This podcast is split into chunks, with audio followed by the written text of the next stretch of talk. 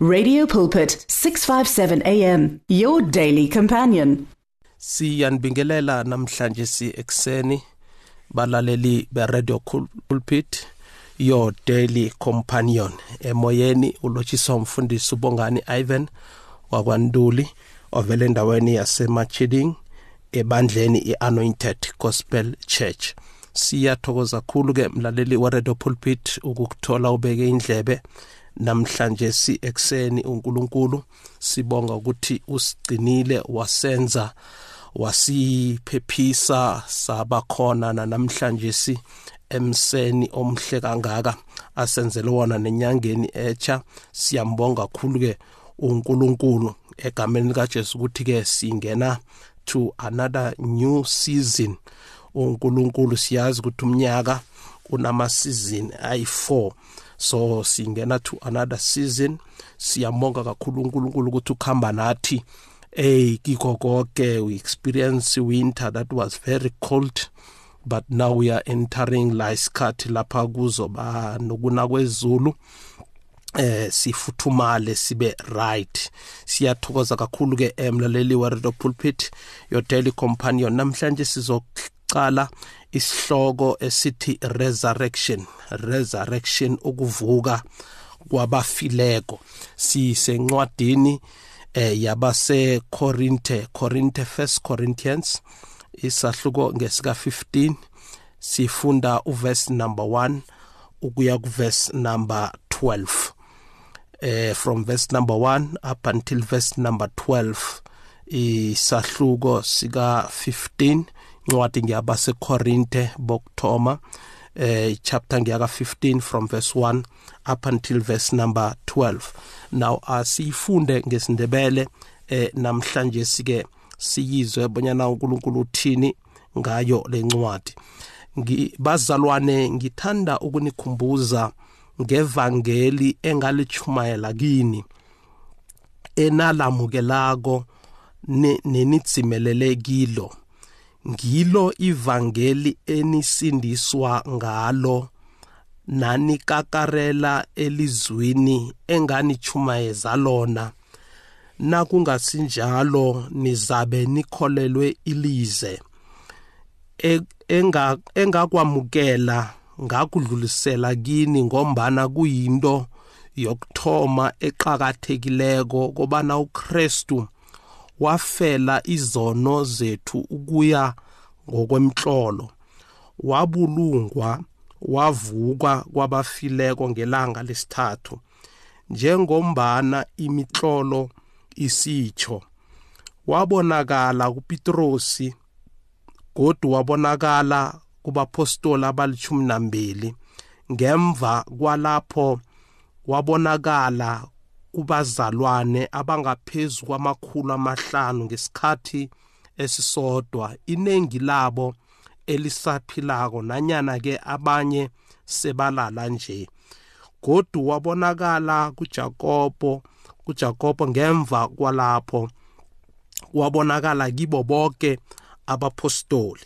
ekugcineni wabonakala nakimi mina onjengaloyo obelethwe ngendlela engakajayeleki ngitsho ngombana ngingomncancane kubapostoli njeke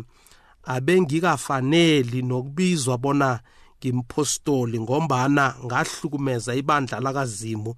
kodwana ngebanga lesihawu sakazimu ngingilokhu engingikho begodu isihawu sakhe kimi azange sibe lilize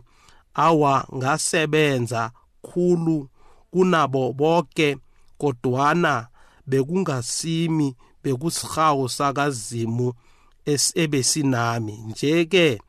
nanyana bekungimi namkha bekungibo leli ngilo ivangeli esilichumayelako begodu ngilo enalikholwako nje nakube uKristu uchunyayelwa bona uvuswe kwabafileko bangatsho njani ke abanye benu bonyana akukho ukuvuka kwabafileko na na umlaleli waredo pulpit usesekhona lapha ekhaya sifunda izwi lenkosi lapha sithola umpostoli pawulosi asivezela indaba yokuvuka ye-resurrection eh ukuvuka kwabafileko so now nakathoma emavesini wokuthoma umpostoli Paulusi uveza indaba ebazalweni baseKorinte eh kwangathi bekabuya kwesibili ababhalela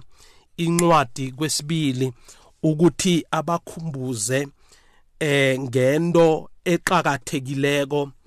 eh evangelini likaKristu nakababhalela uthi nakakhuluma nabo uthi bazalwane ngithanda ukunikhumbuza ngevangeli kwangathi abazalwane basekorinte besebanokulibala nanyana banokukhohlwa okuthizeni ebesebakikho sona manje ubhala incwadi uyababhalela ukuthi akhe nginikhumbuze ukuthi ukucakatheka kwevangeli kuyini sona uthi nginikhumbuza ngevangeli engalichumayela kini ukuthi noma ababhalela incwadi nje ubabhalela with the very same message ebeka uchumayela phakathi kwabo ubathi ubabhalela umlayezo ebesoloko akezi nomlayezo ohlukileko mara uletha umlayezo ebeka uchumayela nangalesa sikhathi ebeka uchumayela uletha the very same message kibo net uletha iremembrance ukubakhumbuza ukucakatheka kwevangeli because umlayezo wevangeli kufanele ukuthi ubanjwe ebese kugijinywe nawo now abantu nababamba into errong bagijima nento errong manje umpostoli Paulus la bekazama ukubuyisa ibandla laseKorinte ukuthi man asingakhambi sikhambe ngento erong asibuyeleni entweni esabamba kiyo kwasekuthomeni ebese sigijime ngayo kurong ukuthi ugijime ugijime ne-information erong kurong ukuthi ugijime kumbi khulu ukuthi ugijime but ugijime ngedirection errong ukugijima akusi wrong empilweni but into ebalulekileko njengoba ugijima yidirection ukuthi uya endaweni right na nasolokhu ugijima nje ugijima uya in the right direction ngoba ungagijima uthola ukuthi uya endaweni errong into as much as uzobe ugijima into ecakathekileko ukuthi idirection unayo na empilweni yokuthi ngiya njengoba ngigijima nje njengoba ngibambile nje lento engiyibambileko ngiyo na lento engi manje umpostoli Paulus uzama ukukhumbuza ibandla laseKorinte ukuthi nginibhalela lencwadi ngoba ngiyanikhumbuza ngevangeli engalichumayela ukuthi lento engayichumayela it is the real thing yinto ekufanele ukuthi banjwe kukhanjwe nayo but ngiyabona ukuthi along along the way the more nihamba nikhamba nisusa lento engayichumayela nifaka into engakayichumayeli kukhona lokho ukuthi nithola ukuthi bekuchunyayelwa into eright then the more isikhathi sikhamba kuzanywa ukukhitshwa into eright kufakwe into ekuzokhanjwa ngayo kanti lento ekhitshwako yinto esisustainako yinto eletha amandla evangeli sona uthi ngiyanikhumbuza ngevangeli engalishumayela kini nalamkela nadzimelela kilo nalamkela leli vangeli ebese nadzimelela kini manje bese uthi ngilo ivangeli enasindiswa ngalo nakakarela kilo ngilo ivangeli enasindiswa enisindiswa ngalo na, bese nakakarela kilo bese nakungasinjalo eh nizabe nikholelwe izwi uthi nangabe akusinjalo ukuthi lento lena ngiletha azange niyamkele nanikholelwa izwe ngoba lento engayishumayela nalomlayezo ngiwuletha manje unamandla uyakwenza uyakhona ukutshentsha umuntu uyakhona ukutshentsha i-identity yomuntu kuyakhona ukuthi ususe umuntu endaweni yokufa umlethe endaweni yokuphila uyakhona lo mlayezo enganguphethe okhuluma ngokuvuka kwabafileko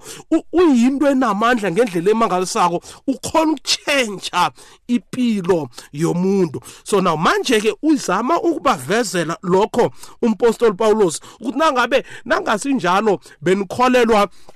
ise so now manje uthi engakwamukelako nami lento le ebengiyichumayela kini ayisiyinto evela kimi but ngayamukela ngendlela engayamukela ngayo ngayidlulisa ngayemukela ebese ngiyadlulisa angidlulisi into enga engazi ukuthi ngiyithethephi ngayamkela ngashunya yezwa ngahlangana noJesu the time ngiya eh ngisendaweni yase ngikhamba ngithi ngiyokubulala amakholwa endaweni ethize ngahla kwabetha umali lapho ngahlangana noJesu angikhuluma nami akhuluma indaba ukuthi why ngihlukumeza ikereke kwaba ne-transformation lapho lento engayibamba lapho ya-change impilo wami ngiyo engiyidlulisa ngidlulisela kini ngamamagama angidlulisi into yami ngidluliswa into enganikelwa yona ngendlela ngombana kuyinto kuyinto uthi ngombana kuyinto yokuthoma ecakathekile kubonana uKristu nasi wafela izono zethu ngokuya kwemhlolo imitsholo lesiyifundako ngokuya kwayo ithi uJesu wafela izo azange afela izono zakhe azange afela izono zikazibantu mara wafela izono zethu each and every one of us ophilako namhlanje sifelwe nguJesu asikubambe lokho sifelwe nguJesu ma-basic um eh, principle wevangeli wegospel ukuthi yemdele sikwazi ukuthi njengoba siphila namhlanje unkulunkulu ujesu wasifela esiphambanweni angafeli um into enye nenye but afela izono zethu njengoba sinje sifelwe njengoba sinje sakhululwa esonweni akusena sidingo sokuthi sivumele isono sibe namandla phezu kwempilo zethu asinasidingo akunasidingo sokuthi sivumele ukuthi usathana sona sithumayeza ngezono zethu but sikholelwe kilokhu unkulunkulu asenzela kwangathi abazalwane basekorinte the time umposto apostoli Paulus ababhalela incwadi kwangathi bebesebangasakholelwa ukuthi izono zabo zikolelwe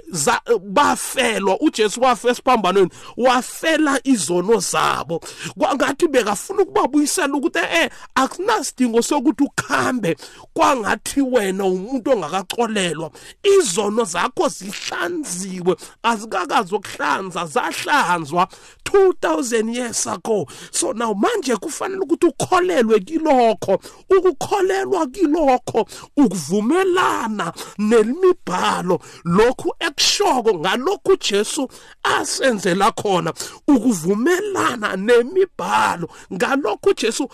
uvume ukholelwe ukuthi no my life will never be the same my life ayisesengale ndlela ebengingiyo but now i am a new person lithi izwi lenkosi if a man is in Christ oh okudala kudlulile bheka kuvela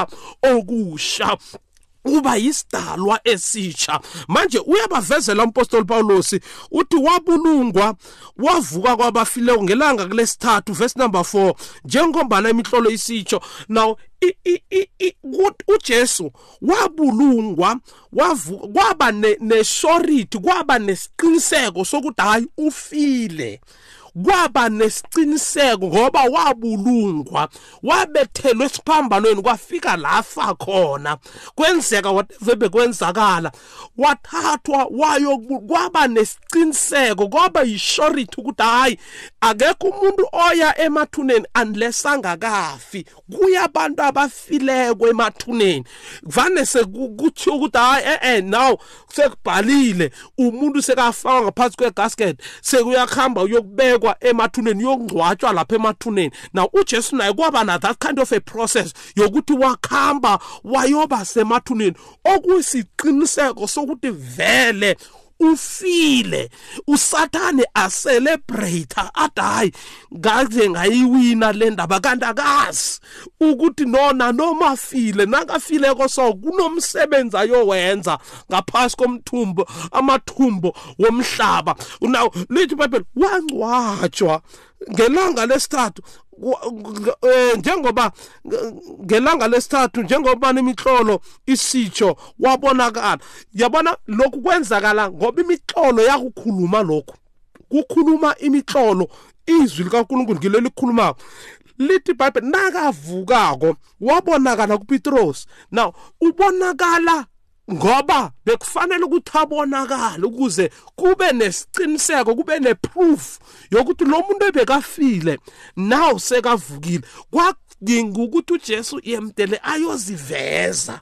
aziveze as a resurrected Christ angeke kube ne resurrection kungakabi nokufa kunezinto ezinye ezingekhe zenzeke ngaphandle kokuthi kwenzeke ezinye izinto kunezinye ezinye izinto nanoma ungafuni kangakanani ukuthi zenzeke they are going to happen why because of kunento ekufanele ukuthi yenzeke before kwenzeka enye manje uJesu kwakufanele ukuthi adlule ekufeni ukuze sizokhuluma ngale gama elithi resurrection ukuvuka kwabafileko uvuka ngoba bekafile udala ukuthi yemdela afe before azokuvuka manje wavuka ethuneni kwakhamba aziveza ukuze kube nesiqiniseko abantu bazi ukuthi he is no longer in the grave into eyenza ichristianity ikolo yesikrestu ihluke kunezo zonke iy'nkolo ukuthi le nkosi esiyikhonzako is a God who is alive wafa wavuka yes asali wafa but azange aphelele kufeni wavuka now ivangeli esiliphethe yivangeli elinamandla okuthi nanoma izinto zingafa mara ziyavuswa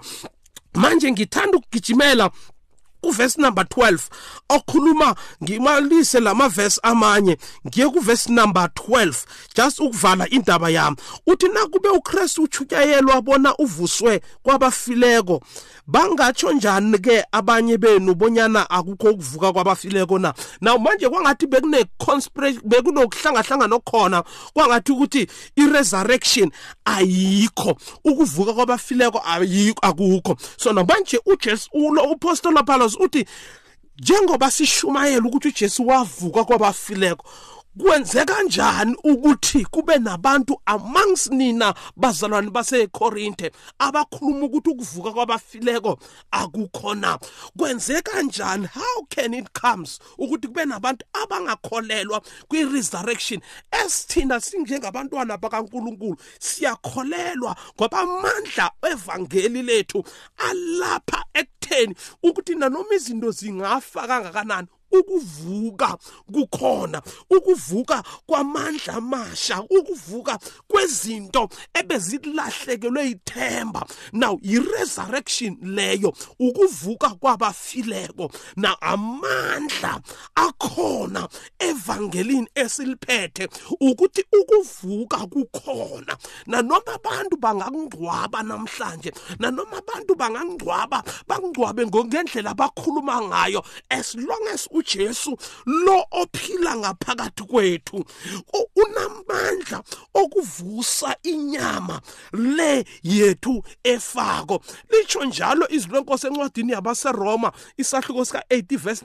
number 11 uthi nakungabe umoya owavusa uJesu kwabafileko uphila ngaphakathi kwethu ungakhona ukuthi unikele imizimba yenu efako le amandla now siphethe uNkulunkulu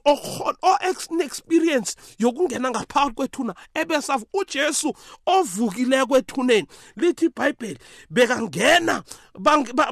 bahlangene athi peace be still because ungukuvuka nokuphila nanamhlanje mlalelo repulpit uNkulunkulu kukho konke okufileke empilweni nakho njengoba phila ngaphakathi kwakho ungukuvuka lokuphila makenze konke okufileko empilweni nakho kuvuke ebese kuphile ngelihle igama lomfelo wethu ujesu ake sithandaze lord god almighty nangumlaleli mbusise mphamandla kikho konke akudingako lena amandla okuvuka kwabafileko awa-experience empilweni yakhe ngegama elihle lomfelo wethu ujesu kristu wasenazaretha amen and amen The words of the Lord are words of life. Your heart is on 657 AM. 657 AM. Radio for believers in action.